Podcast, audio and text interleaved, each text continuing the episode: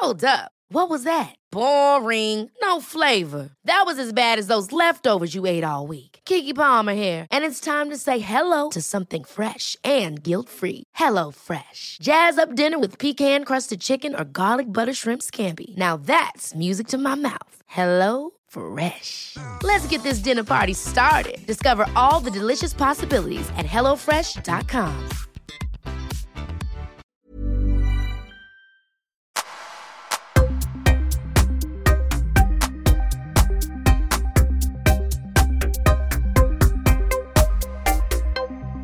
Irmas Majic, välkommen till Öppet sinne. Tack som bara den.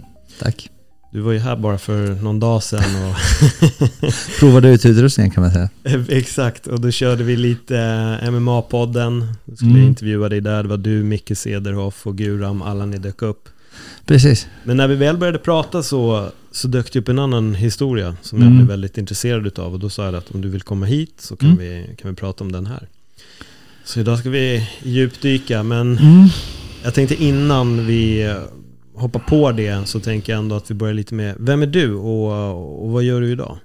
Ja, eh, idag så går mitt liv ganska mycket ut på att jag är eh, MMA-fighter och eh, jobbar på behandlingshem med ungdomar och eh, unga vuxna med bakgrundsdiagnoser och eh, missbruk. Det är vad jag har hamnat på. Innan var jag tandvårdare i f- 13 år. Just det. Hur kom du in på det just med tandvård? Vad var det som gjorde att du... Oj, det är också en historia för sig. Jag var extremt rädd för tandläkaren. Ja. Jag var extremt, jag kom till Sverige och du vet, precis i den här svängen och hållit på att sluta gymnasiet och hade en studievägledare som bara sa, nej men du, du skulle passa bra i bygg och fordon och så här. Och jag bara, nej, jag gillar inte att bli smutsig om händerna. jag orkar inte bära saker, jag är stor. Jag jobbar med människor och hon bara, nej, nej, men bygg eller fordon. Jag bara, nej, jag sökte till omvårdnad. Gick ett år omvårdnad, eh, insåg det kanske inte var min grej. Nej. Och då kunde man välja på något som heter tandvård. Kunde bli tandsköterska. Jag bara, "Ah, men det hoppar jag på för jag vill inte att hon skulle ha rätt att jag hamnar på bygg eller fordon. Inget fel på dem, men jag var bara inte passade inte mig då. Så att eh, det var det och bytte till tandvård, blev tandsköterska men insåg också ganska snabbt att jag var felbyggd. Liksom. Jag jobbade med en tandläkare som var väldigt kort och jag var väldigt lång och det var bara fel när jag skulle assistera. Så jag sökte till universitetet uppe i Umeå och kom in och utbildade mig vidare. Färdigt och sen flyttade jag ner till Västervik och jobbade med det. Men har du bott i, bodde du i Stockholm först eller? var- Nej, jag har aldrig bott i Stockholm. Nej, för det var det jag tänkte. Men när du sa att du flyttade till Västervik, var flyttade du ifrån? Umeå. Umeå? Umeå. Jag Ah, pluggade upp i. Umeå. Jag kom till, till Flen, Mm. till ett litet samhälle i, små, i Sörmland. Sen var jag Eskilstuna något år, sen var jag upp till Umeå direkt till universitetet. Och sen vart jag rekryterad ner till Kalmar, till uh, folktandvården i Kalmar. Och sen vart jag specialisttandvården i Västervik. Då. Just det. Så, och det är där jag är fortfarande idag. Men jag jobbar inte med tandvård. Nej. Men vad är, liksom, tröttnade du på tandvården eller vad? Nej, det gick inte att få ihop med träningen. När jag vann mitt andra VM, Mm. då gick det inte att få ihop det. Då, då ville jag satsa på det här och då var jag i den åldern att jag kände att ska jag satsa på MMA lite mer så kommer det aldrig liksom kunna, kunna göra det här. Liksom. Så jag gjorde det helhjärtat och, och jag la ner det. Jag kan, alltid gå, jag kan alltid gå tillbaka till det men eh, jag kan inte, när jag är 50 kommer jag inte kunna säga jag kan gå och satsa på MMA. Så att det var, jag bara kände så här, rätt tid, rätt ålder, då funkar det bra. För du kom ju in ganska sent in i MMA-svängen. 30. Ja, 30. Ja. Ja, jag var 30 och tjock. Men det, och det roliga, jag sa även det i MMA-podden, det finns många sådana historier med folk som vill gå ner i vikt och sen leder Mm. det till en karriär. Ja, det var nå- verkligen så för mig. Var det någonsin en tanke att så, ah, men jag kanske kan göra mer? Eller? Nej, ja, det kom ju efteråt. Första, var, första tanken var så här, jag ska gå en match. Eller första gången jag skulle gå ner i vikt. Jag skämdes att typ stå på gymmet i Västervik så jag bara, äh, men dra till Linköping. Och sen gick det ganska bra och sen bara så här, nej men jag ska gå en match. Så gick jag en shootfighting match och fick, blev kastad av en kille som typ vunnit SM i brottning typ tio gånger. Och jag bara, "Aj, jag ska gå en match för att vinna. och sen när jag, var, jag vann en och så hamnade jag i landslaget och så tog allting fart. Ja. Hur länge har du hållit på med MMA? Hur länge har jag hållit på med MMA nu? Eh, ja, sju år. Sju år? Mm, sju år har jag hållit på. Tog mitt första VM-guld efter tre år. Så det blev en riktig karriärsbyte där från tandskötare Ja. till eh, fighter. Ja, Verkligen. ut tänder. Dra, från att dra ut tänder till Ja, att slå precis, ut precis. Det är Lämna ett visitkort efteråt. Här har du. Kontakta mig efteråt. Jag har några, några sådana historier som är helt sinnessjuka. Jag jobbar som ordningsvakt också. Ja. Och eh, då omhändertog jag en fotbollsdomare och så omhändertog en kille på, en kväll, på kvällen liksom som var lite dum på fotbollsplan liksom. Och, och sen eh, vid det omhändertagande så fick han åka polisbil därifrån. Och dagen efter så kom han upp till folktandvården och mötte mig där igen liksom. ja, det var den minen på den killen var så här bara, nej, nej. Det kan jag tänka mig. Ja. Då är det lite pinsamt Ja, lite att jobbigt. man var där. Men om vi hoppar in lite på, för vi ska ju ta upp ett ämne här nu då, det var ju det Mm. som dök upp och det, det är därför vi ja, sitter här idag då. Mm. det blir tunga andningar Ja, det är lite där. så här. Jag funderar på det här sen, vi pratade senast då. Det, det är ett tungt ämne alltså, men jag pratar gärna om det. Jag pratar gärna om det liksom. Mm. Det, För du är inte född här, jag är inte född här. det är ju starten. Var, var är du född någonstans? Jag är född i Bosnien, en liten stad i Bosnien. Ja. 1983 föddes jag. Och sen, vilket år var det kriget påbörjades? 90. 89-90 var det i Kroatien så jag flyttade ner till Bosnien runt ja, början på 90-talet. Mm. 90, Hur gammal var du? Du var sju, åtta år typ? 7-8 år gammal. Däromkring. Vad var första tankarna? Nu vet jag att du var väldigt liten, men Mm. jag tänker bara liksom när det väl började bortåt Kroatien, hur var reaktionen i din familj om det Då var jag ganska liten. Någonstans så kände jag så här, även om det var väldigt nära, det var Jugoslavien och då hade det inte delats upp. Det var så här, okej, där borta för sig går någonting. Jag förstod inte så där jättemycket utav det. Men jag förstod att det var liksom militär. Med, där jag bodde var det en ganska liten stad. Vi kände inte havet så mycket, men det visst, nyheterna, det pågick hela tiden. Det var väl nog ingen som tänkte liksom att det skulle bli så stort som det blev. Att det skulle bli ett sånt inbördeskrig som det blev. Mm. Sen eskalerade det, Ja. tyvärr. Var det någon tanke därifrån att ni skulle lämna tidigare eller var det bara det, Nej. det kommer inte komma nej, hit? nej, det var aldrig någon tanke att det skulle komma dit. Det var ju bara liksom det var där borta på något sätt. Det, det fanns aldrig en tanke liksom att levde i en liten stad, vi och våra grannar och allt. Nej, nej, det skulle aldrig hända liksom. Det fanns inte ens på kartan. Jag tror inte ens mina föräldrar visste om det eller någon nära och kära liksom. Pappa var ju tog kommunist liksom. Mm. Så det var ju den kommuniststyret liksom efter Tito liksom. Det var ju många som var kommunister. Så det här med religion var ju inte särskilt känd för mig alltså. Och det Nej. första gången jag fick erfara det var nog i skolan, du vet, när folk bara pratade om religion. Att jag hade en annan religion. Jag var inte som alla andra och jag bara, var inte som alla andra.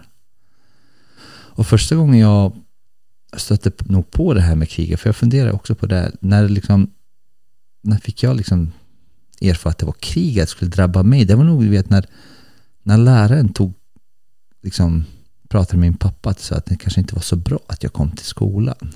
För att vi var extrem minoritet, vi var bara två muslimska barn. Mm. Att ni skulle kanske inte komma till skolan, det vart inte bra, vi vart retade. Jag förstod nog aldrig varför. Det var nog de första minnen av kriget. Vad var det som gjorde att det eskalerade hos er? Jag vet inte faktiskt. Det var... Kriget flyttade sig ner till Bosnien. Eh, och där i Bosnien är det tre olika nationaliteter. Eh, ortodoxa kristna och muslimer. Ganska jämnt antal av alla liksom. Och då blev det väl så att eh, det vart lite inbördes och grannarna gick på varandra och man tog bort lag och regler och allt. Och det vart bara girigheten som tog över. Jag brukar säga att kriget var ren girighet. Mm. Och folk säger att det skulle aldrig ske någon annanstans. Jag skulle nästan kunna slå vad. Tog man bort lagar och regler och låter girigheten ta över. Jag lovar att din granne skulle komma och knacka på och vilja kasta ut ur din lägenhet för att behålla den. Mm. För det var ju så precis det var. Alltså det är så svårt att ta in på ett sätt när man hör de här grejerna. För jag förstår exakt det du säger. Jag kan verkligen tänka mig det. Och det tycker jag man ser när man tittar historiskt och man tittar i Mm. andra länder hur det funkar. När vissa lagar och vissa regler försvinner. Mm. Då blir det exakt det som du säger. Då känner man den här rättfärdigheten att kunna göra någonting. Mm. Och att de här är sämre än oss. Och liksom, det är en annan. Det är något annat. Alltså det... Jag har funderat många gånger det här, liksom, hur det här kunde ske. Mm. Och skulle man ta bort lagar och regler även i Sverige idag så, så skulle det vara så här, en kort stund skulle folk liksom hålla om varandra för vi är grannar, vi mår bra ihop. Men sen skulle det vara så här, shit. Hans Porsche kan vara min om jag hotar honom till livet liksom. En kommer göra det, två kommer göra det, sen kommer alla göra det. För det var så det blev hos oss i alla fall. För om jag ska ta lite, berätta lite om min historia liksom, så är det så här att vi var ju som sagt väldigt, väldigt, väldigt få med muslimsk bakgrund i den stan. Pappa hade hotell, motell, vi, var, vi, vi hade det bra, vi hade det jättebra liksom. Så från att vi har det extremt bra till att liksom varenda natt till de kommer hem till oss, vi blir misshandlade och sådär. För ena dagen ska någon komma, ja men då ska de skriva farsans bil och nästa dag så ska någon komma och kräva dem på pengar på allt värde och tredje dag så kommer nästa så vill de att man ska skriva över huset och sådana här saker. Och, så det är nog de, för mig var kriget jobbigast i början liksom, för det blev så extremt. Du vet när man bara barrikaderar alla dörrar och de står och slår på nätterna och vill ta sig in och mamma och faster står och skriker i fönstren, liksom hjälp bara och sådana saker. Så det, det var nog de tyngsta grejerna för mig, som jag kommer ihåg som värst. Hur många var ni, eller är ni i familjen? Vi är fyra. Jag, mamma, pappa, syster. Men vi hade en faster som vi bodde hos och även äh, farmor och farfar. För det var ju så att man ville gärna vara med sina nära och kära liksom. Just det. Men det blev ju så. Det blev ju liksom att man drog ihop sig. Man bodde ihop för att huset var våran borg och då hade man barrikaderat sig så ingen kom in liksom. Jag kommer ihåg att vi barrikaderade alla dörrar ner till och bodde bara på övervåningen liksom. Och, det, och så på dagen var det ju ganska lugnt. Då var ju grannarna liksom och någon Grannarna pratade inte så mycket med liksom, men då kunde man åtminstone liksom. Men på natten var det värst. När de skulle in oftast på, liksom, på fyllan och det var ju bara fritt fram. Men, men, vad hade hänt där? För då hade inte liksom kriget hade inte kommit in. Nej, kriget kom ju aldrig egentligen dit. Nej. Det fanns ju egentligen ingen krig. Men i och med att krig var i landet mm. och vi bodde i en stad där majoriteten hade en religion och vi hade en annan. Mm. Och det var ju i princip bara fritt fram. Det fanns ju ingen lag, det fanns inga lagar och regler. Och någonstans i landet så krigade de två religioner mot varandra. Var och här borta där vi var, det är svårt att förstå kanske, där vi var, vi var ju extremt minoritet. Bara kanske jag tror att, jag tror att i den stan fanns 50-tal muslimska familjer. Det är en liten stad på 20 000 invånare. Och då var det bara fritt fram. Det är helt enkelt fritt fram och ta det du vill ha. Mm. Och det kommer jag ihåg att det var. Jag kommer ihåg att jobbigaste minnet när, när de misshandlade farsan liksom, för han inte kunde gå eller prata och sådana saker. Jag fick faktiskt dra ut en tand på farsan som hade brutit av under kriget så fick jag dra ut den här typ 25 år senare. Oj. Visste inte ens att han hade en tand. Sådana där saker, sådana saker var jobbiga liksom. Och, och liksom de som gjorde det, det var bara att de, de var kristna då eller? Och tyckte att ni... Ortodoxa var det, ortodoxa. Jag, jag har ju mina, en av mina bästa vänner ortodoxa. Det är absolut inte så att jag har något mot Nej. religionen. Men det var så att man kunde skylla på religionen. Mm. Man kunde skylla på religionen för att roffa åt sig det man ville ha. Och var det här vänner till er innan eller liksom var ja, det, det var ja, till och med alltså, så också? Det var så att en av pappas anställda kom och misshandlade honom för att han var diskplockare på restaurangen. Granne som bodde 300 meter ifrån oss. Kom och misshandlade farsan första gången. Pappa hade tagit innan för att han skulle jobba åt honom på hotellet. Mm. Så kom han och misshandlade farsan för att han visste att farsan var förmögen.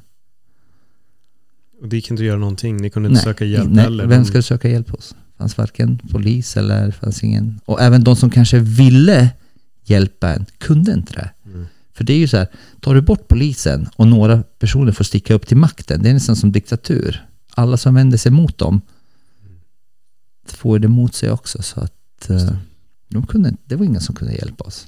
Mm. Jag kommer ihåg början, när de kom och bankade på nätterna, liksom, då var det så här att faster och och mamma liksom kunde stå i fönstret och bara skrika på hjälp. Liksom. Och I början så var det väl någon granne som kom. Och, men när de var bortschasade och sköt dem i luften och sådana saker.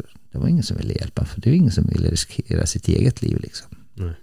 Så att det var bara, bara fel. Det var uh, vilda västern liksom, på något sätt. Hur länge pågick det här? Så? Fyra, fem år? Fyra, fem år. Men det, det, var, det var ju många. Vi flydde ju därifrån efter ett och ett halvt, två år över bergen. Mm. Hittade vi en kille som var någon form av fårherde och så flyttade han hjälpte oss fly över bergen till en annan stad där vi Skulle försöka komma ut och det vart inte bättre där så vart, vi flyttade till eh,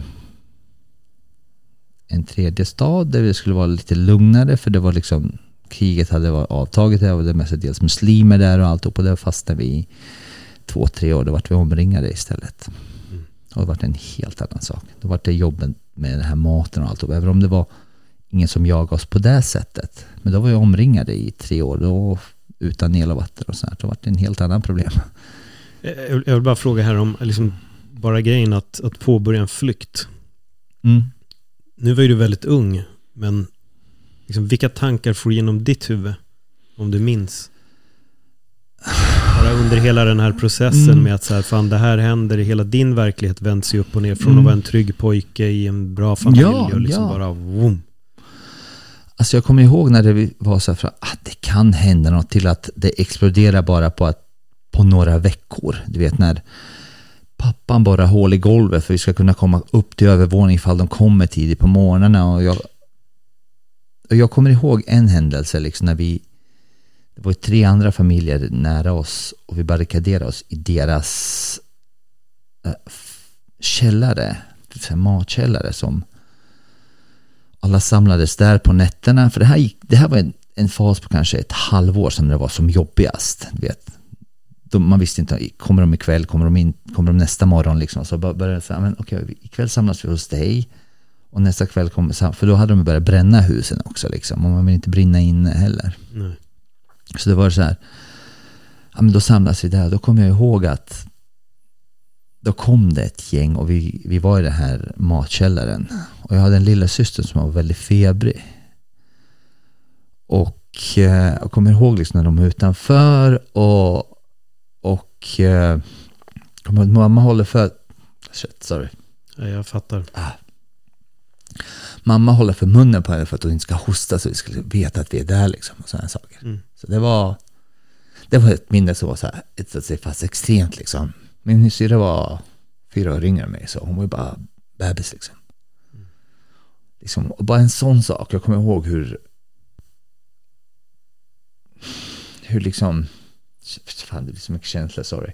Nej, det, alltså jag förstår. Eh, det, är- det är bara en sån här sak, vet. Alla är samlade, vet. Och alla kollar på det här barnet, liksom. Som att bara, bara håll för munnen på henne, vet. Och jag fattar min mor liksom bara, förstår du, har en litet barn på två år liksom, ska hålla munnen för att hon inte ska hosta liksom. Men det är faktiskt fara för alla andra liksom. Det är sådana saker som man inte tänker på så här. mm. Sorry. Ska jag hämta papper? Nej, men det är lugnt. Det är lugnt. Eh, ja. Ah, shit.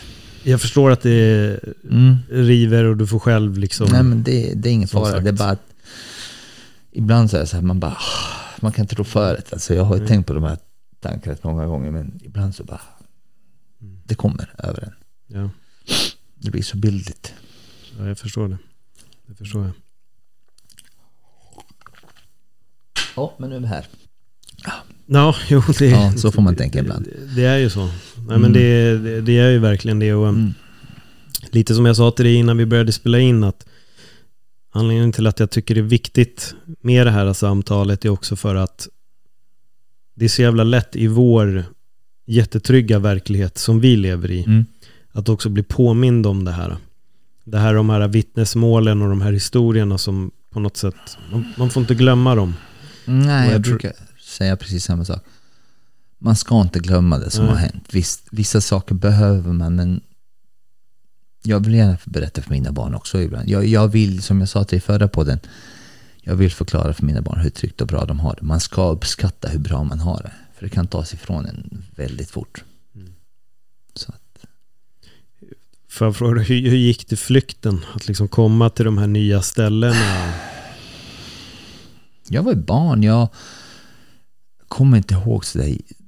Det är en del som, alltså jag kommer ihåg jättemycket men eh, vi flydde från en stad till en annan. Där vi hade, min, min pappas bror bodde där liksom. Och där trodde vi liksom det var öppna gränser, vi skulle fly som alla andra liksom. Men pappa var nog så här, han ville nog aldrig fly. Utan han, ville nog, han, han trodde fortfarande på det här liksom, ah, det löser sig. Det är liksom bara de får ordning på det hela, jag ska tillbaks, bygga upp hotellen, motellen, det ska bli liksom, jag vill inte lämna mitt liksom på något sätt. Och när vi insåg det, Då kunde vi välja att fly till Tyskland eller någonting, har jag för mig. Men pappa bara, nej men om vi flyr till det här, det var ju som utbytes, vad ska man säga, fångar på något sätt. Man bytte x antal personer mot varandra och hjälp med UNHCR. Mm. Jag kommer ihåg att vi åkte med sådana här lastbilar med UNHCR och så bytte man 100 pers mot 100 pers eller sånt här, så var det. Och, och då sa pappa att men då åker vi till ett ställe som heter Travnik och det är ju så här att där var det mestadels muslimer. Så tänkte jag, men vi reder ut det där, sen går vi tillbaka till vårat liksom. Och eh, nej, då fastnade vi där istället i, i tre år.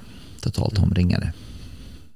Och det var ju nästa sak. Liksom. Jag kommer ihåg, det var då jag fick första gången erfara det här med att shit, fan, de, de skjuter på alla. För innan var det bara på något sätt mot min familj, mot oss. Men sen var det, vet när vi vart utbytta, en krånglig skogsväg så här, som en lastbil körde, mitt i natten. Då var det en, ku, en kille som sprang med en mikrolampa liksom, typ 20 meter fram, blinkade en gång till lastbilen, kunde lastbilen köra. Det var utan lampor. Det var så här frågor, och det var så här, nej men tänk inga lampor, för då har de någonting att skjuta på, du vet, mitt i natten. Och det var så här, skjuta på liksom. Och då, då började kriget på riktigt för min del, allt det här med granater och alltihop. Och då var det jobbigt. Mm. På ett annat sätt, då var det så här, då satt ju alla i samma läge. Det var inte så här att någon skulle komma på nätterna. Så på ett sätt var det befrielse. Det är ingen som kommer jaga just mig. Men sen kommer allt det andra. Mat, vatten. Allt det andra som man behöver för att överleva. Det är väldigt intressant att du känner att det på ett sätt är en befrielse när det inte bara handlade om, om er. Ja, men det, det är ju så här, då är det ingen som jagar oss bara. Alltså Nej. bara min familj för att ta... För innan var det så här, pappa förmögen och vi vill ha det som är era. Det var ju nästan som ett rån på något sätt. Mm. Någon kommer hem till er och ska råna dig. Liksom, jag kommer ihåg att jag kommer ihåg sådana minnen, när de sitter och håller min lilla syster som är tre år och trycker en pistol mot huvudet för att pappa ska skriva över sina liksom, ägodelar på dem. Mm. Och det, det är minnen som man inte blir av med. De, blir, de kommer ju aldrig bli av med. Men, och då är det så här, då var de ute efter materiella saker och saker som vi hade. Men plötsligt så hamnar vi på ett ställe där vi är alla lika. Ingen av oss har någonting. Alla har flytt dit. Och då blir det på något sätt ett annat form av samarbete. På något sätt. Man är fri, men man är ändå inte fri. Då får man gömma sig i källare istället och akta sig för granater och sånt där. Tror jag. Uff, alltså det är en... Ja, ja, det är en resa. Jag måste bara fråga, hur, hur mår din syster idag? För hon var ju väldigt mycket yngre liksom. Är det... Hon mår bra. Hon bor i Norrköping. Ja. Gift och har två barn. Ja. Hon kanske har glömt mer eftersom att åldern också... Hon var nog ganska... Hon, har, hon kommer nog mer ihåg av de här sakerna som kom efteråt. Mm. Av det här med granaterna och hungern och alltihop. Hon hade problem med njurar på grund av det och sådana här. Mm. Undernärd och sådana här saker. Mm. Ja. Fan, det känns typ så tufft att gräva i de här nej, nej, men det behöver frågorna på ett sätt. Bara... Liksom, för jag ser dels hur du blir påverkad, det tar på mig ja. också kan jag säga. Jag är en känslomänniska. Mm. Jag blir typ tårögd av dig. Ja, alltså, nej, att, så här, nej, och det, det ska du absolut inte be om ursäkt för. Det, det ska du inte be om ursäkt för. Jag pratar väldigt mycket i den här podden om att det är väldigt okej okay att gråta. Ja. Det är väldigt okej okay att släppa fram sina känslor. Så eh, det är, jag har själv gråtit i den här mm. podden. Eh, så det är lugnt. Mm. Det är, här är det en frizon för alla känslor får komma fram. Skönt. Så det, det är helt okej. Okay. Jag har nog faktiskt inte, jag har gråtit några gånger när jag har pratat med, men det är nog inte särskilt jättemånga som har mm. vetat den här så Inte mer än mina nära och kära så här, flickvänner, sambon, frun och sådana här saker. Som, personer som kommit mig väldigt nära. Mm. Det är knappt uh, nära vänner har liksom, för oftast är det en sån här del som jag bara hoppat över. Det var krig, det var jobbigt, men, men någonstans här, när du frågade om det så då kände jag liksom att ja, jag är 37-38 år gammal. Kan vara dags att berätta också vad som hände på mm. riktigt faktiskt. Hur jag upplevde det. Mm. Det är otroligt starkt mm. att du gör det. Um, och jag tror även, eller jag, jag, tror inte, ni är ganska många som har suttit i, i den sitsen mm. som du har varit i. Och jag tror att det här är också ett samtal som kommer hjälpa många som mm. kanske inte riktigt klarar av att prata om det. Det får vi ehm, hoppas. Så jag tror ändå att det blir en, det blir en hjälp också. Mm. Och återigen, jag tror det är viktigt att man blir påmind. För vi lever i en värld som just nu är jävligt snurrig och det känns många gånger som, som du sa, att nej men det händer inte här och, och jag tror att det är nog, man ska inte gå runt och tro att det kommer hända här. Men Nej. jag tror ändå att man ska vara medveten om att när grejer börjar spåra, då kan det gå Mm. jävligt snabbt. Det kan gå fruktansvärt. Jag har upplevt att det kan gå fruktansvärt fort. Från, Mm. som sagt, till att man är toppen till man är i botten och som sagt, skri, bokstavligen skriker efter hjälp. Mm. Det är... På ett sätt tror jag idag när man har gått igenom alltihop. Jag tror att den lång... Hade dröjt längre, då hade man fått mer skador utav det. Liksom. Men, ja, men det här var ju bara som en... sex månader som var extremt jobbiga. Liksom. Men då var det så här, shit, ska vi fly, ska vi inte fly, vart ska vi ta vägen och sådana saker. Så att, eh, jag vet inte, allt har sina för och nackdelar. Jag försöker verkligen i mitt liv se allting ur en fördel, vad det gjorde med mig, att jag fick växa upp lite snabbare. Jag hade ingen, jag brukar säga så, jag hade ingen barndom mellan 10 och 15. Jag hade verkligen mellan 8 och 15. Men det gjorde också att jag blev starkare i väldigt många saker. Mm. Växte upp lite tidigare och kanske förstod mig på saker lite i det Så vet när grabbar i 15 års ålder, 16 i Sverige, bara, ah, men flickvänner är 20, det är så jäkla jobbigt liksom. Och jag ska ta livet, man bara, du smär. Nej, tro mig, det finns värre saker än flickvänner har gjort slut.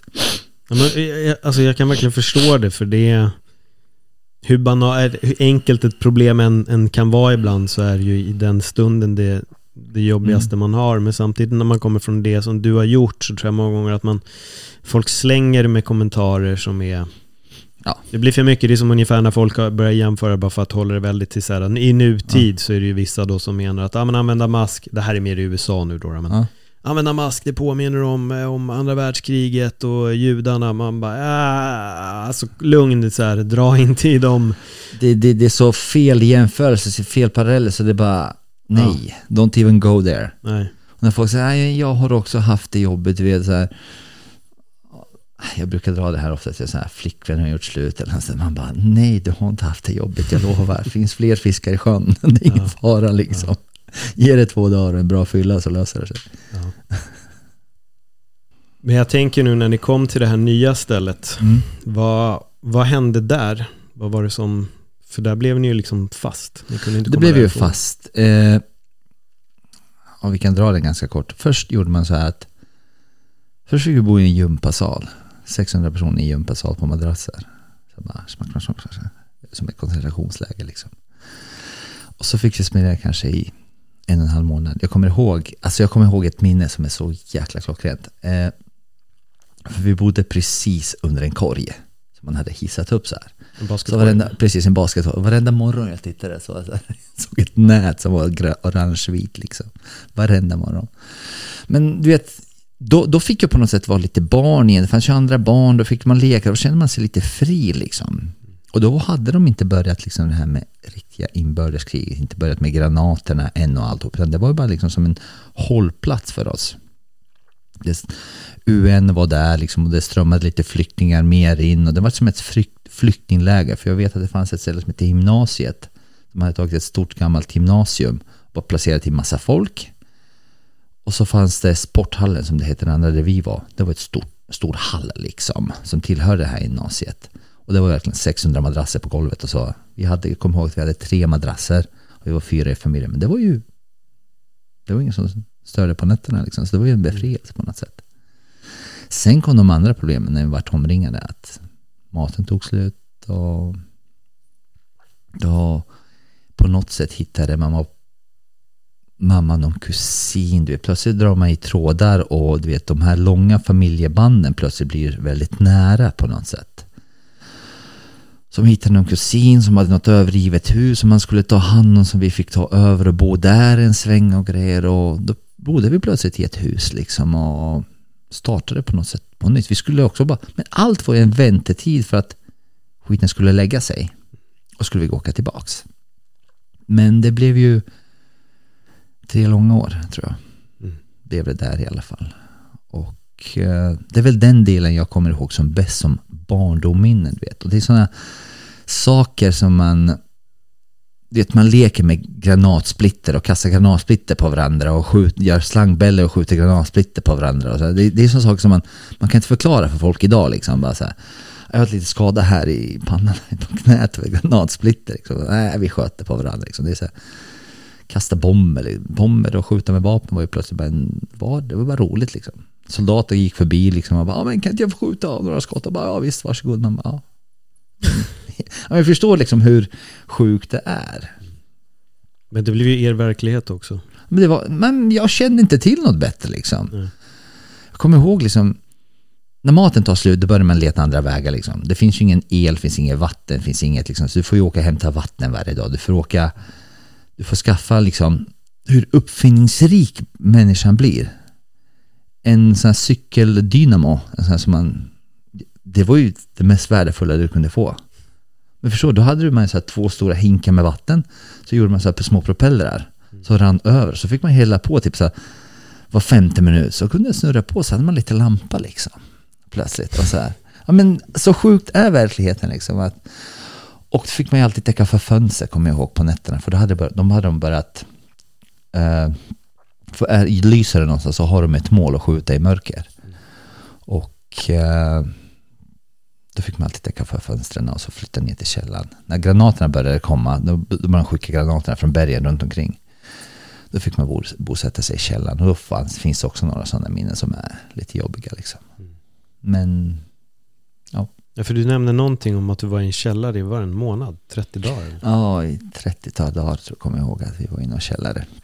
Ganska länge med många personer och allt. För det är ju så här, det funkar ju så, det blir som ett bunker liksom. Man, oftast är det ett gammalt hus som är sönder, som man har bombat sönder.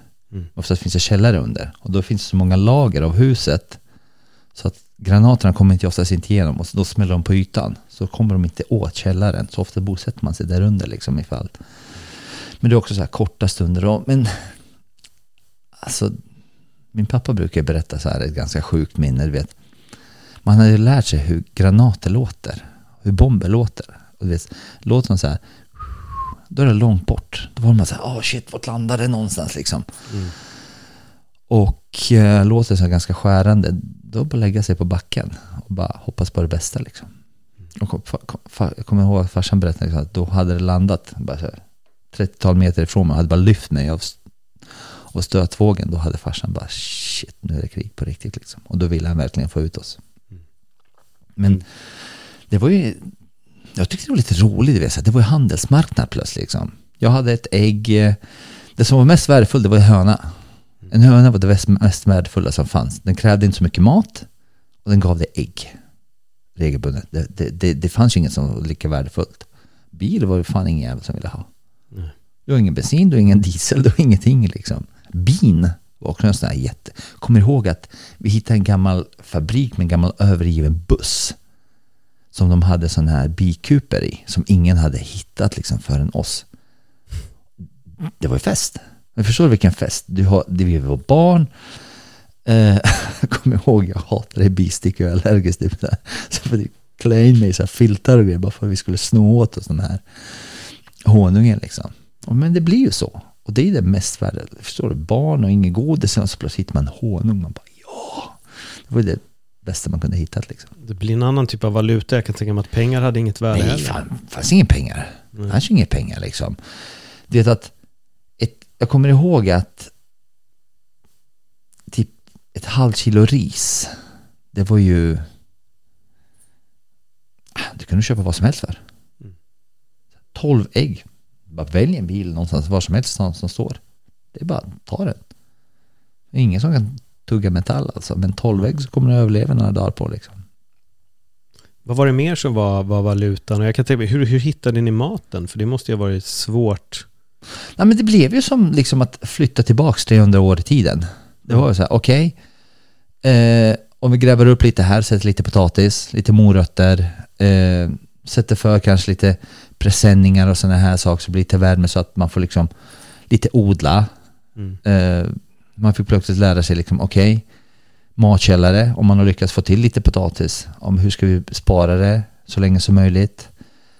Uh, sen kom det efter ett tag lite sådana här hjälpsändningar, du vet när de skickar ner från eh, fallskärms. fallskärmshjälpsändningar. Men det var ju också så här en valuta för de här som hittar dem. Liksom. Det var inte bara vi, utan det fanns ju någon form av ordning.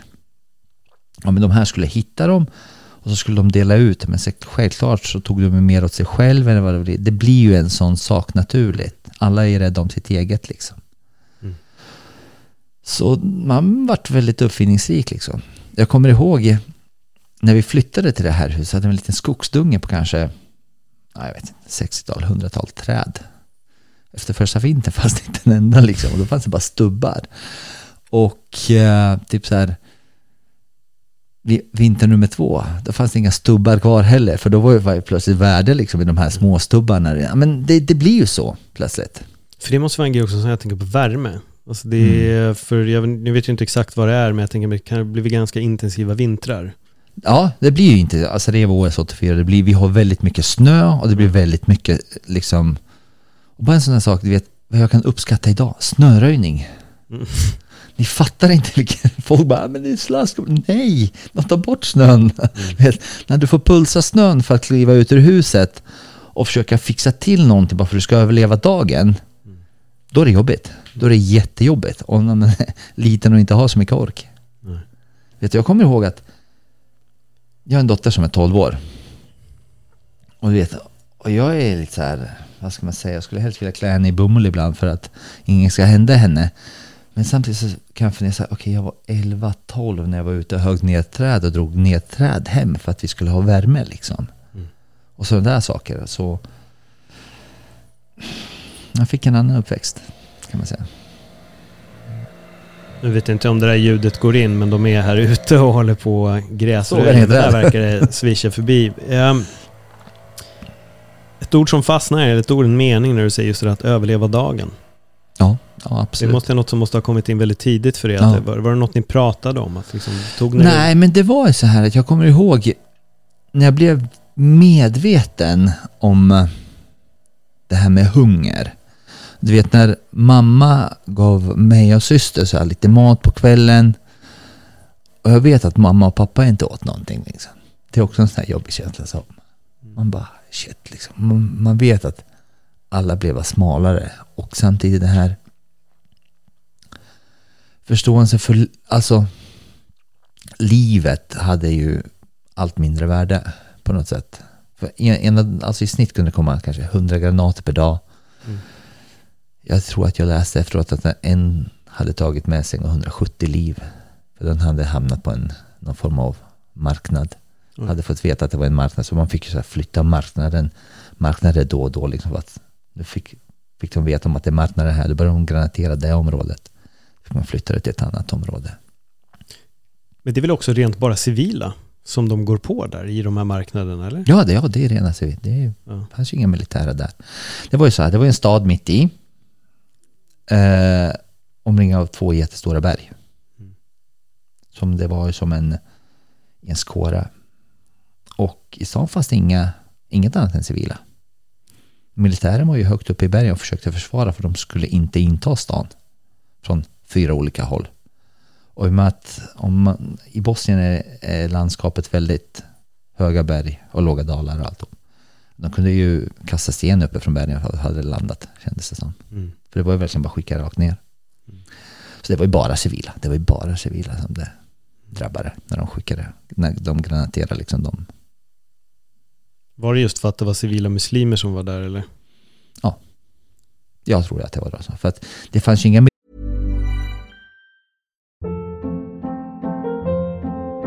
Hold up. What was that? Boring. No flavor. That was as bad as those leftovers you ate all week. Kiki Palmer here, and it's time to say hello to something fresh and guilt-free. Hello Fresh. Jazz up dinner with pecan-crusted chicken or garlic butter shrimp scampi. Now that's music to my mouth. Hello Fresh. Let's get this dinner party started. Discover all the delicious possibilities at hellofresh.com. Hey, it's Ryan Reynolds, and I'm here with Keith, co star of my upcoming film, If, only in theaters, May 17th. Do you want to tell people the big news?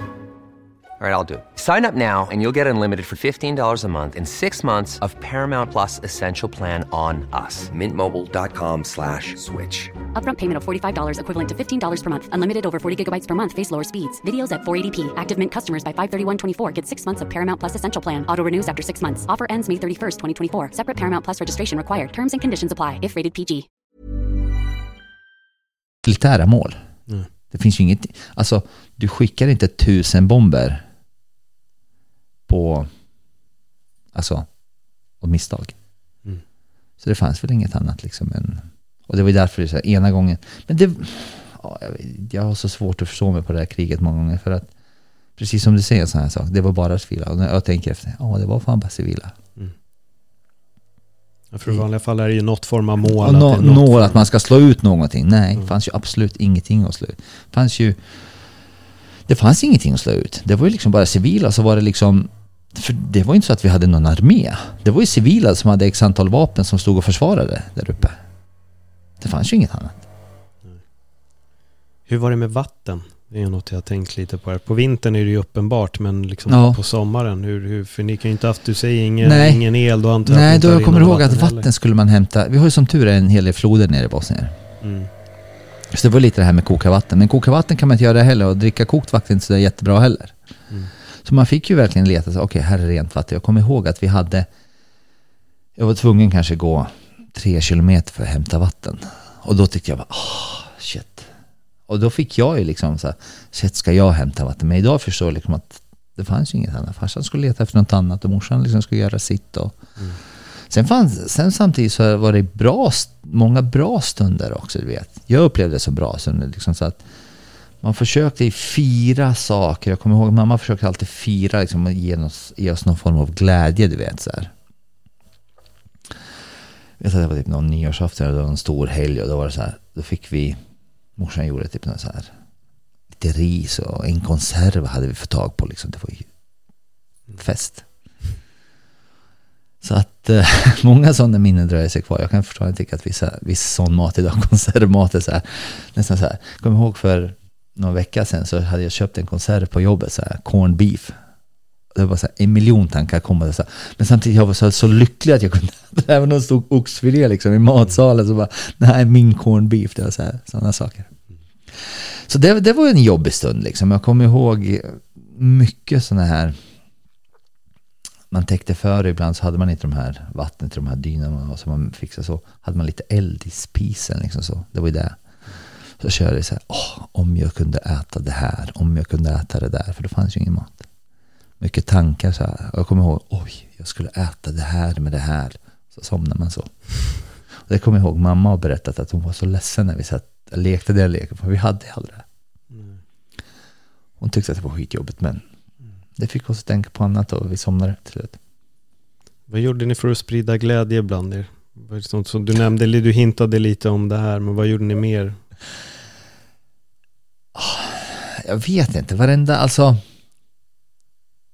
glädjen kom så här, våren. Det är så här, börjar äpplen växa. Så här, shit, snart är det äpplen, snart är det körsbär. Vet, våren kommer tidigt ner i Bosnien. Mm. Ah, snart kommer körsbär. Så plötsligt kunde man käka sig mätt på körsbär och grejer. och sånt där. Det var så, men det är så sjukt att sådana saker sprider glädje. Oj shit, jag har lyckats dra hem ett träd som är så långt. Då kommer vi ha värme en stund till liksom. Nu har de inte skjutit på oss på 10 dagar, 15 dagar liksom. Och så börjar man utforska. Okej, där finns det en by som är ganska nära upp till bergen. Men vi åker dit, där kanske finns det någon form av, eh, vad heter det här, vete och korn och sånt för det är by. Shit, om man tar sig upp dit kanske man kan få med sig något, något ätbart hem. För det var ju också så här en, men det är så pass nära, då kunde de skjuta, prickskyttar skjuta på oss. Så var det så där, ja ska man? Kommer ihåg att jag fick det aldrig av morsan liksom, de lite tuffare grabbarna fick ju åka så jag hakade på någon gång liksom, fick med mig hem någon yxa du vet, så det var ju coolt. En yxa och fick med mig lite sån, någon käk eller någonting, det var bara hur coolt som helst liksom. Nu måste jag fråga en, en jobbig fråga och du får själv Mm. välja om du vill svara Mm. på den eller inte. Men det är för att du är inne på prickskyttarna här. då. Och då undrar jag om det var någon i din närhet som försvann. För jag, Mm. det här med... Jag berättar för många så här. Eh, man tappade respekten för livet. Det var det som jag tyckte var bland det jobbigaste. För precis när kriget kom, man fick ju en ganska många bekanta, även om man kom till det nya stället. Liksom. Och så plötsligt så var jag så här, nej men han dog igår. Liksom, och den dog för några dagar sedan. Och så. Prickskytten tog den där. Granaterna tog den. Och så på något sätt, jag brukar säga att tårarna var slut efter några månader. Det var så här att då, efter tre månader så var det så här, ja, mamma, pa, mamma lever, pappa lever, syrran lever, okej. Så till en början var det jättejobbigt. Men som jag brukar säga, tårarna tog slut efter ett tag. Det, det vart, man vart avtrubbad. Och det var det som gjorde också, så när man väl kom hit så var det så här, fan ni har det så bra. För då, då var det verkligen, ni har det så bra, ni behöver inte bry er om prickskyttar, ni behöver inte bry er om att liksom livet eller någonting, utan det, det, ni har det bra. Men visst, det försvann. Det är ingen mening att jag nämner de här. Nej, Liksom, men, nej. men visst, barn, alltså inte barn, unga pojkar. Och, och så jag kommer ihåg att vi hade en granne vi bodde precis bredvid. För att det var som ett parhus kan man säga. Så vi hade en del av parhuset och de hade den andra. De hade en, han var ju fem år äldre än mig så han fick ju liksom hjälpa till på fronten då och alltihop. Och då kommer vi ihåg att han har blivit, fått örat avskjuten blivit träffad i ena axeln liksom. Och det var första gången jag, vet, när han kom ut och jag bara shit, han var omlindad och alltihop. Och det var inte så att det fanns lindar, utan det var så här lakan som man liksom la om sår och grejer så här. Och sen kommer jag ihåg att han åkte iväg och eh, hade precis blivit, mådde lite bättre liksom. Så blev han skjuten en, en vecka igen och då var det plötsligt, då var det från något, någon från mitt hushåll liksom. Det kommer jag ihåg, det var jävligt kämpigt. Ah, Ja. shit. Ehm, det blir, jag får väldigt mycket den här känslan om, vad ska man säga? Som du säger, det är, det är, man, till och med jag här börjar helt plötsligt uppskatta livet på ett helt annat sätt när man hör din historia och, din, och din berättelse. Jag undrar lite, hur, hur blev det när allting började lugna sig? Strax innan liksom som det tog slut, om man säger så. Vad var det som, började man förstå redan att det här är på väg att ta slut? Eller var det bara från ena Nej. dagen till den andra att oj, det nej, är över? ena, nej, nej, det var nog inte så. Utan jag vet att jag kommer ihåg att UN-bilarna började komma lite oftare. Mm. För det var ju så här, ibland tog man skydd av UN-bilarna för att de fick man inte skjuta på på samma Mm. sätt. Det var ju holländare, kommer jag ihåg, och det fanns något Sverige. Och då kom de lite oftare, så kommer jag ihåg som barn, då kastade de så här godis åt oss. Första gången jag såg en apelsin på fem år på riktigt. Mm. Mamma berättade så många gånger den händelsen att jag hade kommit hem och springandes med så tre klyftor av, av apelsin liksom. Bara så här, och mamma bara sa, men dela med dig en till syrran liksom. Eh, och då på något sätt ah, shit. Eh, det jobbigaste minnet jag har från, li- från kriget faktiskt. Det var ju så här att precis kriget höll på att ta slut. Då hade vi en grannflicka som de här UN-bilarna liksom, när de kom, det var så här, de var soldater från olika länder och det är 50 barn som springer och skriker liksom. Vi hade lärt oss liksom, candy, candy, liksom, eller vad som helst. Då kommer jag ihåg kastar ut en hel del, en påse med godis, ett barn bara som de är, de sliter upp ett. Och det hamnar en, det hamnar en eh, bit under ett hjul liksom och en liten flicka bara springer in och bara tar det och så blir hon överkörd. Liksom. Det minnet kommer jag aldrig... Och då var det så här, fuck.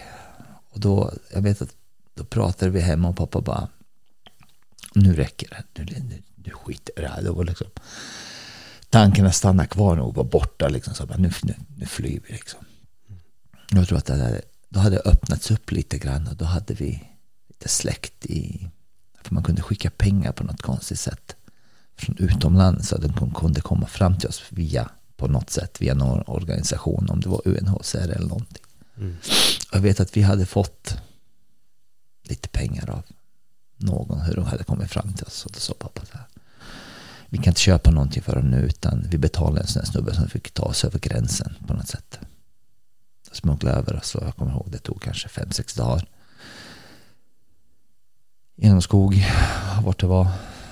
Jag kommer inte ihåg så särskilt mycket vart det låg liksom geografiskt. Jag vet att vi fick fly fyra, fem dagar. Och så på något sätt lyckades vi fly över till Kroatien. Och från Kroatien upp till Zagreb. Där var det lugnt. Jag kommer ihåg att vi landade på ett sånt där flyktingcenter. Och då blev vi fast där kanske i ett år. I Kroatien innan eh, vi, vi kom i kontakt med mammas sida av familjen då. Som bodde i Flen. Hon hade två, två, en syster och två bröder som bodde i Flen. De hade flytt tidigare, mm. innan kriget. Liksom. Så att vi, ja, vi packade ihop oss och, och så hade ju systern problem med som sagt njurarna. Så vi behövde faktiskt komma där. Hon behövde opereras. Och då var det, då var det Sverige. Och så kommer jag ihåg att vi kom hit 11 april. Det var fyra vers. Det var fyra årstider vi på två timmar nere i Ystad. Jag bara hamnat liksom. Regn och blås och sol och alltihop. Men det var en sån fruktansvärd befrielse. Då, hade vi, då började livet på nytt. Ja. På något sätt. Jag kommer till den frågan hur livet började, men jag undrar först, vad åt du? Nu när du hade möjligheten att inte bara fantisera, utan nu Shit. kunde du ju göra det och kanske mamma och pappa Shit. kunde ge dig det här som ni inte hade fått. Och hur, hur var den första måltiden?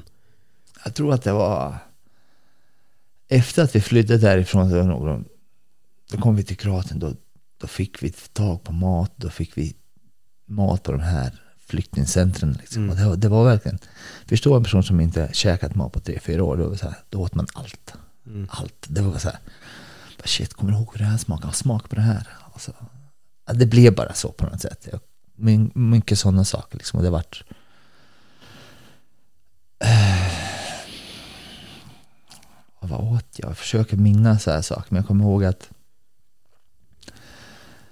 Sen saker som ost och ostmack och bröd och mjölk, du vet sådana här saker. För det hade man värderat så högt liksom nere under kriget bröd, du vet, bara bröd och mjölk och ägg.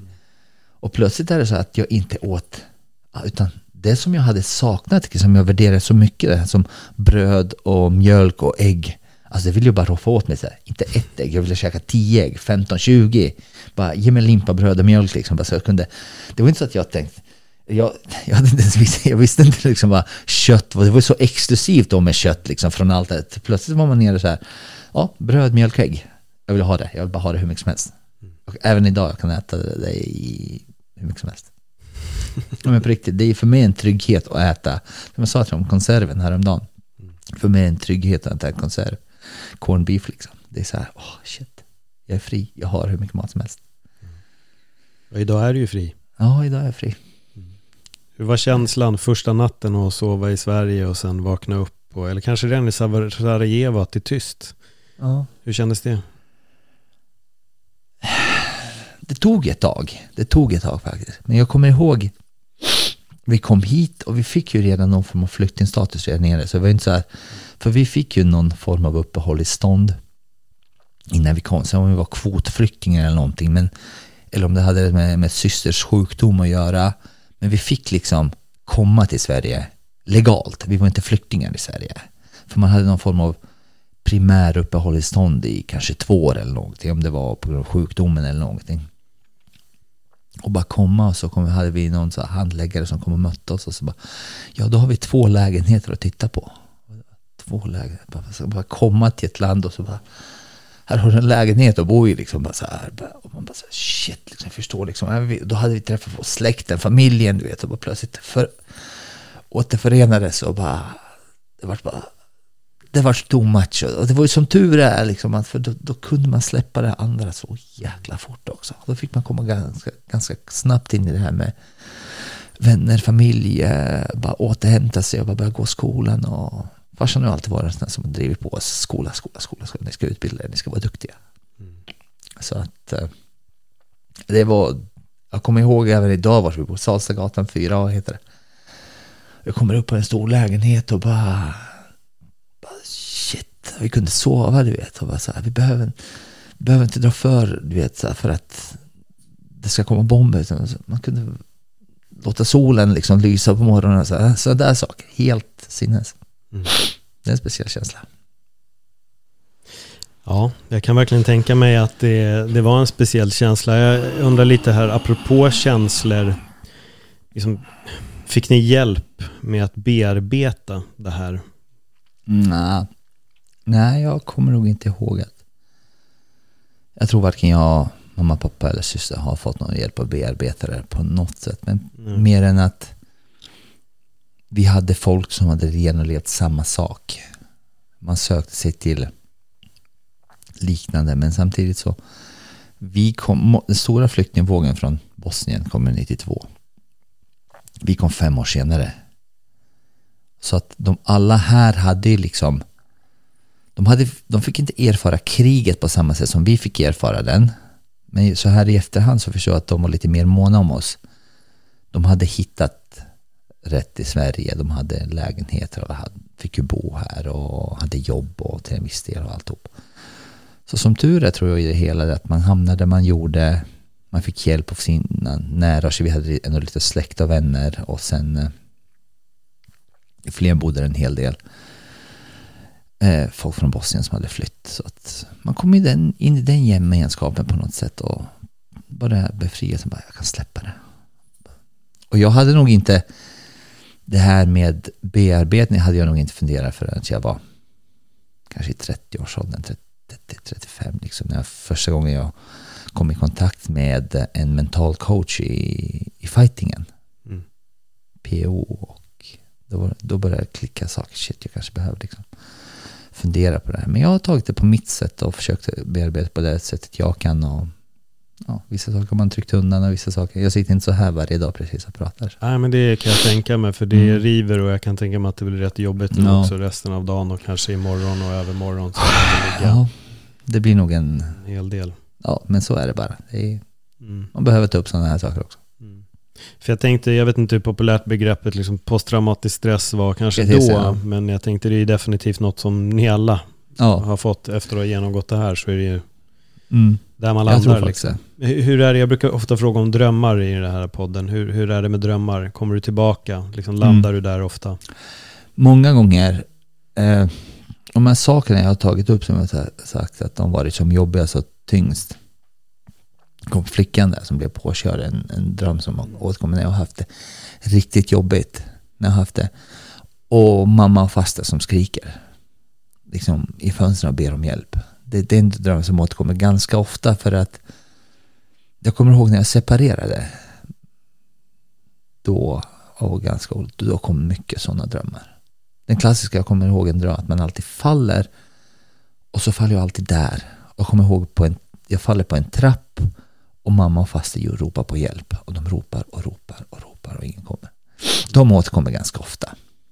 När man har lite jobb. När jag, när jag har kört några, jag kanske var, jag har jobbat som exomonisk vakt förut och sådana här saker. Jag berättade förut att jag hållit på mm. jobba några nätter men det funkar inte för mig. För då blir det konstiga drömmar och mycket sånt där som det är bara hela dagen sabbas.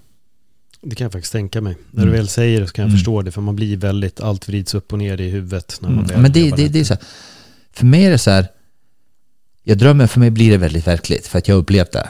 Mm. Och plötsligt så vaknar man så ska man, nej men jag ska lägga det i en box här borta, så ska jag kliva ut och så ska jag gå till jobbet eller jag ska leka med mina barn. Och eh, de märker på en. Barn ser mer än vad man anar liksom. Och då blir det så här, vänta, jag behöver ta mig en promenad. Jag behöver gå upp till gymmet, slå mig lite på säcken och sen kan jag liksom börja mm. på ett annat sätt. Så jag har lärt mig hantera. Många gånger är det faktiskt att jag är väldigt tacksam till MMA för då kan jag gå upp, banka skiten ur säcken och så, bara, så lämnar jag det där. Och fysisk aktivitet har hjälpt mig många gånger. Och jag, jag, tror att hade inte jag hittat en mat så tror jag att det hade gått mycket, mycket jobbigare med det här med att jobba igenom min PTSD och allt. Ja, det, var, det var min följdfråga, nu gav du faktiskt svar på ja, allting förlåt. själv här. Ja. Nej, nej, ja, det, det, är helt rätt att du glider in på grejerna själv. Mm. Nej, jag ville verkligen fråga i relation och fighting, hur man, om du hade fått bearbeta det. Men skönt att höra. Mm, ja, att, det, det, det, det har ju, och det har jag alltid backat många gånger till. Så fort det är lite tufft, ja, men på med handskarna, med tandskyddet och bara pang, pang, pang, pang. Och så har jag hamnat där. Sen älskar jag MMA, så jag har alltid sagt så här, ja, men gör saker som gör dig lycklig. Mm. Och det var därför jag om vi går tillbaka till det här, när jag valde liksom att gå från en rätt bra välbetald tand, tandvårdare till en mindre bra betald MMA-fighter. Eh, det gör mig lycklig. Och jag vill aldrig fundera liksom när jag är 50, shit jag kunde varit lycklig då. Nej, jag är skitlycklig nu. Jag mår bra utav det jag gör just nu. Så att, Jag kan tänka mig att sånt där lycka värderas mycket mer när man har gått igenom det du har gjort. på ett helt annat sätt. På ett helt annat sätt liksom. Och det är så många saker som... Jag pratade med det här senast om det här med att eh, jag sa aldrig jag ska bespara, aldrig ska bespara skor, en full kylskåp och sådana saker. Det, och det har jag gått och grubblat på. Så här, fan, nya skor gör mig lycklig på riktigt. Alltså, det gör det. Skor gör mig lycklig, en full kylskåp gör mig lycklig, en skön säng extremt lycklig. Var du barfota ofta när du var liten? Ja, Förklarar. det är... Jag hatar att vara barfota. Jag har till och med även svårt idag liksom att vara lite hopp från med flipflops. Jag, jag hatar att vara barfota. Jag, jag, jag har en känsla, folk driver med mig, eh, men jag gillar känslan av att ha strumpor på mig. Mm. Och de ska sitta helst tight och helst absolut inte hänga på något sätt. De ska sitta tight, jag vill känna saker, att jag har saker på fötterna. Och det är en jättesjuk känsla. Men jag vill känna att jag har strumpor på mig. Att jag vill känna att de sitter runt foten. Jag vill känna en, en känsla av en sko. Hur konstig man än är liksom. I trygghet. Det är en trygghet. Det är en, Dina den, fötter är skyddade. ja, på något sätt så har det blivit en trygghet. Så det, det, är- det är en hel del. Nu är jag förkärlek för happy socks. Så jäkla massa happy socks hemma, massa skor. Jag har nog mer skor än de flesta tjejer jag någonsin träffat i mitt liv. Frös de fötterna mycket? Ja. Jag kommer ihåg. Ihåliga skor. Jag kommer ihåg. Alltså det. Jag kommer ihåg från även skor. Jag fick en gång. Det, man är så här, fötterna växer som i den tiden jag var 12, 13, 14. Så det var inte säkert att man hade. Det som passar idag kanske det passar om två månader. Liksom. Jag kommer ihåg att jag fick en gång. Vi hamnade på ett ställe, typ en sån här bytesmarknad. Och att farsan typ, jag fick ett par typ någon form av Adidas-skor, var typ så här fem storlekar för stora. Men jag var så lycklig. Jag var så lycklig. Jag bara shit. De här kan jag ha länge. Jag kan ha dem säkert hur länge som helst. De kommer inte... Jag kommer inte vara tvungen... Jag, jag kan inte ha på dem liksom och sådana här saker. Det, och det är sådana sjuka saker liksom. Så att man bara... Man blir lycklig av ett par över, för stora skor liksom. Men Ja. återigen så sätter det allting i perspektiv med den här överkonsumtionen som vi har idag Mm. istället. Att vi är så missnöjda och så fort vi får en grej så är vi ändå inte glada och så ska man ha nästa och nästa och Och nästa, nästa och nästa, sak. ja. Det här hos dig så blir det ju istället då att det här tomrummet av att ha ingenting, så när du fick då ett par Ja. fem nummer för stora dojor så visste du wow, de här kommer jag ändå kunna ha. Ja, det här är ju... Jag kommer inte frysa om fötterna. Jag kommer Nej. inte liksom ha för små skor. Jag kan använda de här till saker. Jag kommer ihåg att en hel vinter så hade jag på mig ett par pjäxor. Prova att gå runt i pjäxor. Mm. Men det var ju varmt och jag kunde ha på mig dem. Och jag kunde gå i dem. Jag lärde mig gå runt i pjäxor som att som inget annat. Inte för att jag kunde åka skidor, Mm. men jag hade pjäxor. Så idag äger du tio pjäxor också. Nej, två par. jag lärde mig åka skidor för första gången typ, i Sverige, men då hade jag inga skidor, jag hade pjäxor. Ja. Och då fick man ju, jag kommer ihåg, alltså det är så uppfinningsrikedom. Fotbollsskor var ju skitbra. På grund av, För att du kunde ta bort dobbarna och det var hårda sulor och skinn. Och då kunde man liksom ha det länge. Kommer ihåg farsans, vet, när vi kom till Sverige, farsan sa så här, shit om man kan köpa bra fotbollsskor och så kan vi, jag bara, pappa nej. Nej, vi är inte där. Liksom. Vi, vi, vi är inte där. Man kan ha skor som har mjukare sula. Så han bara, farsan, nej men.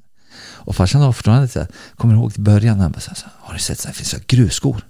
Så här, små dobbar. Då behöver man inte skapa dobbarna på. De är hållbara. Jag bara, nej, nej, nej. Men det, det var ju våran trygghet. Bra skinnskor, du vet. Shit, det är ju värd mer än vad som. Är det någonting mer sånt där som du har? Lite som det här med dobbarna nu, fanns det någonting mer? Mm. Jag tänker Nej. på när ni väl kom hit, alltså det här tänket att oh, wow, liksom, jag kanske tar två glas vatten istället för att nu har vi vatten. Ja, alltså. ja, men du vet, bara så här, kasta mat. ja. Jag har jättesvårt idag att kasta mat. Jag har, du vet, det gör ont i mig att kasta mat. Det gör verkligen det. Är så här, ibland har man, alltså jag har så mycket saker i kylskåpet, så saker blir gamla. Men det gör ont i medvetenhet. Shit, det här liksom. Och så, och så kan jag bli störd av folk och säga, men mjölken gick ut igår. Ja, igår. Det tror jag att mjölken vet när den gick ut. Nej, men öppna, lukta och smaka liksom. Och det är sådana där saker. Som, vi har sån överkonsumtion och så. Så här, man går in på ICA och så, så, här, så ett rött pris liksom på en köttbit. Så här, nej, men den går ut om tre dagar liksom. Man bara, tror man det kan vara där en månad till alltså. Så här, frysa. Det, är så, det har gjort att jag, jag fyller frysen när jag har möjlighet. Så här, oh shit. Rea på köttfärs.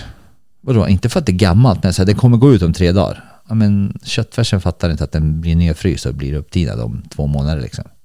Och alla sådana så, här, så jag har blivit värsta så här på något sätt älskar göra så här bra deals på något sätt. Så, ah, jag, jag, på något sätt, på allt.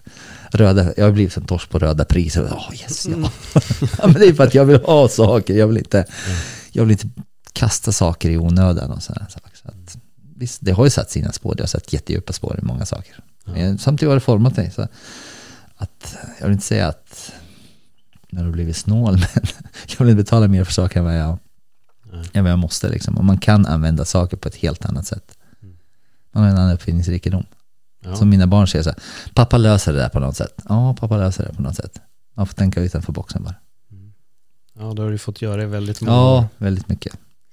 Och det var helt underbart. Och det, det är den som är den positiva grejen med det hela. Så jag försöker se allting positivt. Jag har fått lära mig många saker. Det löser sig ändå. Mm.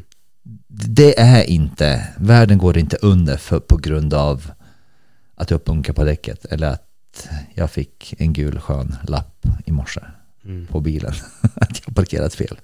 Och så, ja visst, det är jobbigt säkert. Onödiga pengar. Men världen går inte under, jag lovar. Som jag brukar säga, så här, vad är det värsta som kan hända? Då blir folk så här förbannade. "Ja, Men vad, vad, vadå? Men vad är det värsta som kan hända på riktigt? Det, det är inte så att du, det kommer hända dig, dig eller din familj någonting. Nej. Materiella saker. Så på det sättet har det blivit. Jag kommer ihåg att eh, folk brukar driva med mig. Du brukar säga att det är bara att lyfta på fingret och gå efter vinden. Ja, det löser sig. Det, man kan inte. Jag brukar säga så här, det vi tänker på, alla scenarion vi har i huvudet, det är 2% av dem. Jag läste någonstans att det är 2% av scenarion som blir verkliga. Vilket innebär att vi tänker 98% helt onödiga scenarion. Fan, lägg ner det. Det behövs inte. Jag kan verkligen tänka mig det. Jag har hört mycket om hur folk anser att vissa saker är, och speciellt vår del av världen och alla Mm. problem. Och, men det är nog som du säger, det är de värsta scenarierna. De händer. Det finns grejer som händer. Ja, det de händer absolut. hela Det händer. Jag vill inte liksom trycka ner att visst, folk har det jobbigt. Jag vill inte att det ska framstå som att, att jag, jag är så här nonchalant. Visst, allas problem är jobbiga i det läge de är just då. Och när många saker he, känns helt hjälplösa och omöjliga. Det är absolut, jag vill inte trycka undan någon annans problem. Men många gånger så det finns värre saker i livet som kan hända liksom. Du sätter i alla fall livet i perspektiv med det du har sätt. berättat här. Och jag tror att många som har lyssnat nu hela vägen kommer också kanske att tänka till. Om de orkat. Ja, jo men det, det tror jag nog garanterat de har gjort. Jag tror att där man får ett annat perspektiv. Jag tror att de här, man kommer lära sig att särskilja på skitproblem och riktiga problem. Mm. Vi Eh, var inne på det när jag pratade om, kom in på ett annat ämne, förlåt, Mm. Filippinerna. Ja, just det. Men det var en grej som väckte mig också. Så här, du vet, jag har åkt till Filippinerna några gånger med eh, Tandläkare utan gränser. Och, och då har jag ändå bott i Sverige så pass länge och har en trygg familj och trygg omvå- eh, trygga vänner och allting är liksom bra ekonomiskt och alltihop. Liksom. Och så kommer man till ett land liksom, där man får se det igen. Hur skört det är.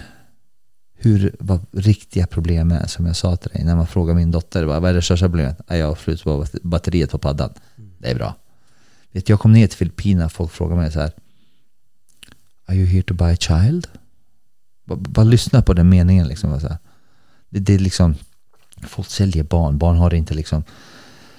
Vi har det bra. Vi har det extremt bra i Sverige.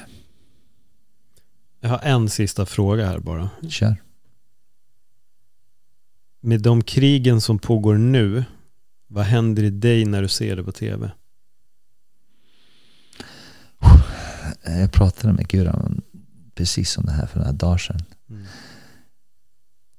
Jag blir tjurig på mig själv ibland faktiskt, på riktigt. Det, det rör väldigt mycket upp i mig. Mm. Men samtidigt, det har ju varit det här med Palestina och de här krigen som finns runt i världen och alltihop. På ena sidan så är det så här. Jag kan kolla på det en kort sväng. Sen river det upp alldeles för mycket minnen.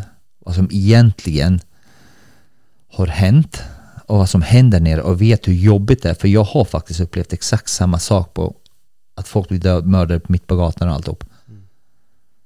Och då blir jag besviken på mig själv att jag bara stänger av det.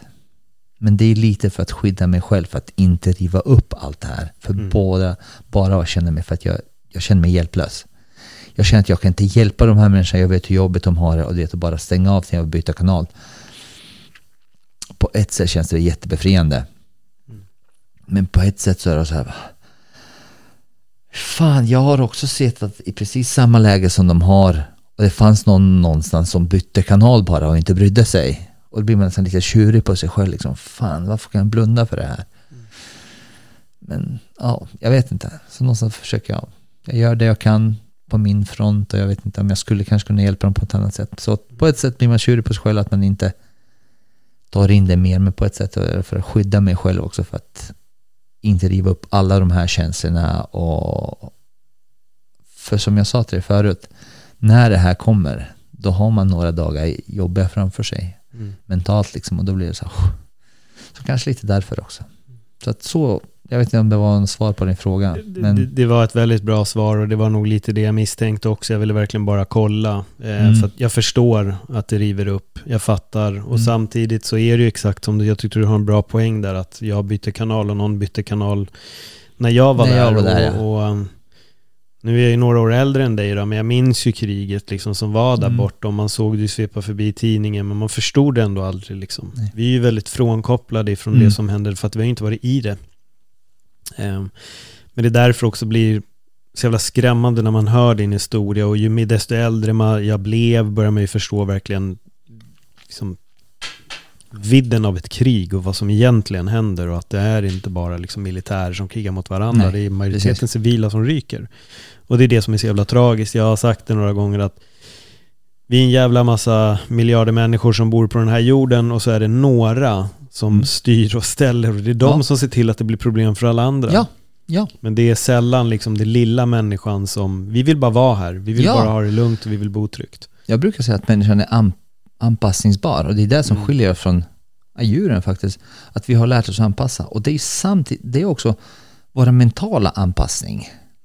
När vi, jag har funderat många gånger, liksom, jag gillar psykologi, jag gillar psykologi väldigt mycket liksom.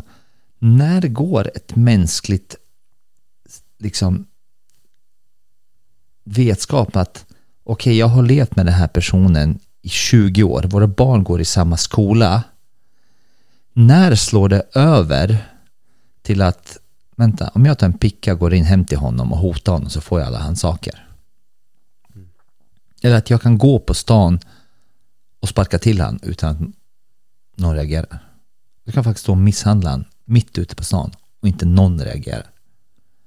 När går det över? N- när slår det över? Har det alltid funnits i oss? Någon form av hat? Eller är det grupptrycket om jag ska säga det? Eller är det våra, är det våran, vad ska man säga, omvaro eller vad ska jag säga? Det är runt omkring oss som påverkar oss att vi ska bli sådana. För det var ju precis det, vi upp, det jag upplevde. Från att vi levde fredfullt, allt var peaceful. Det var glass och ballonger liksom. Och sen bara till att en granne kommer och liksom misshandlar dig faktiskt på grund av att du har en guldring på fingret eller att du har en bil eller att du har någonting som han vill ha. När går det liksom? Har det alltid funnits i oss en hat? Eller är det någonting som växer till sig på grund av omgivningen som vi har runt omkring oss? Är det media som påverkar att... Och det är där jag, jag säger till många av personer jag träffar liksom när det kommer till det här med krig. Jag kan stå vad om du tog bort, återigen, om du tog bort polisen från våra gator idag. När du inte har någon att vända dig till och säga nej men du han slog på mig, jag vill göra en polisanmälan. Utan att det är, då kommer vi komma till det här att Den starkaste överlever. Den, den som är mest hotfull och den som har mest vapen och den som hotar mest, han kommer att överleva. När slår det över? Ja, det är det man inte riktigt vet. Nej. Och att det Men- kan göra det. Det är det som är det obehagliga. Att, Ja. det, att det kan vända. Jag har upplevt det och jag kan säga utan tvekan. Vi hade haft det lugnt i en vecka, två innan det hade spårat ur ordentligt. Ja, det är mycket att ta in och jag tror det är mycket vi kan fördjupa oss Ja. i hela den här biten. Ja. Jag, alltså det, är, det är häftigt att se dig från sidlinjen idag. Liksom Allt du gör, din liksom kamp med fightingen och du kom in i den sent och du har dina framgångar där. Och du är ju en fanfavorit liksom. Det är Mm. jättemånga som gillar dig och verkligen, jag har fått frågan länge om att ha med dig i min podd till exempel. tack. Så är det folk som har lyft roligt, liksom, att, tack. du, att du borde komma. Och att få höra den här historien så sätts allting i ett helt annat perspektiv och jag förstår någonstans allt du gör och varför det finns mycket glädje i dig idag. Och jag förstår den här viljan att sträva efter lycka. För att Mm. du kommer från att ingenting gick att ta för givet till att Nej. nu finns det faktiskt, kan man ut, göra någonting bra utav livet. Och det har du gjort. Du, Och det är ju, många frågar sig så här, förlåt jag avbryter, många säger så här, ja men tänk dig så här, om det kommer ett UFC-kontrakt och cashen och bara, ja faktiskt inte så jävla lock. Eh, alltså, ärligt, det är inte cashen som lockar så många gånger, utan jag, prat, jag kommer ihåg att jag pratade med Majdi någon gång så här och han bara, du vet, oh, men så småningom så kommer cashen. Ja, alltså, man, Majdi, hade jag velat göra det här för cashen hade jag inte lagt ner tandläkaryrket.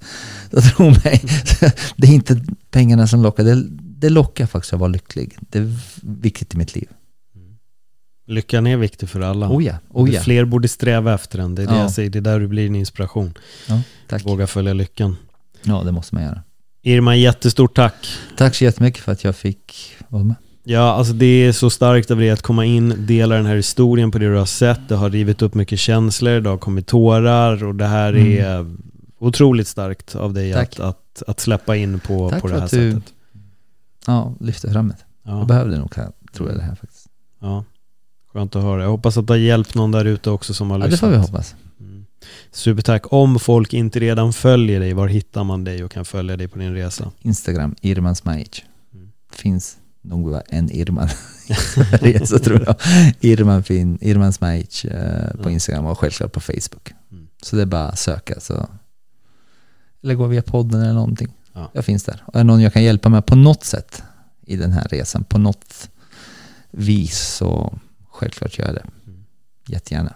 Och, och så har alltid varit. Är det någon jag kan hjälpa med någonting på något sätt inom hjälpa dem att komma över något. Det är därför jag nog kom in med i behandlingssvängen också. Mm. Jag gör det jättegärna. För att se en människa växa, det är, det är mäktigare än mycket annat. Ja, då har du helt rätt i. Livet sätts i perspektiv nu när man har fått höra Irman Smajids historia och verkligen lyssna på det här nu folket. Ta, ta vara på er tid och sträva efter lyckan. Allt är inte bara pengar och materiella saker och kom ihåg, i en viss situation kanske man sätts i att leva dag för dag, precis som Irman har berättat. Mm. Så ta hand om er där ute och krama era nära och kära. Tack för den här En gången. extra gång. Tack. Hej då. Ha det bra, hej.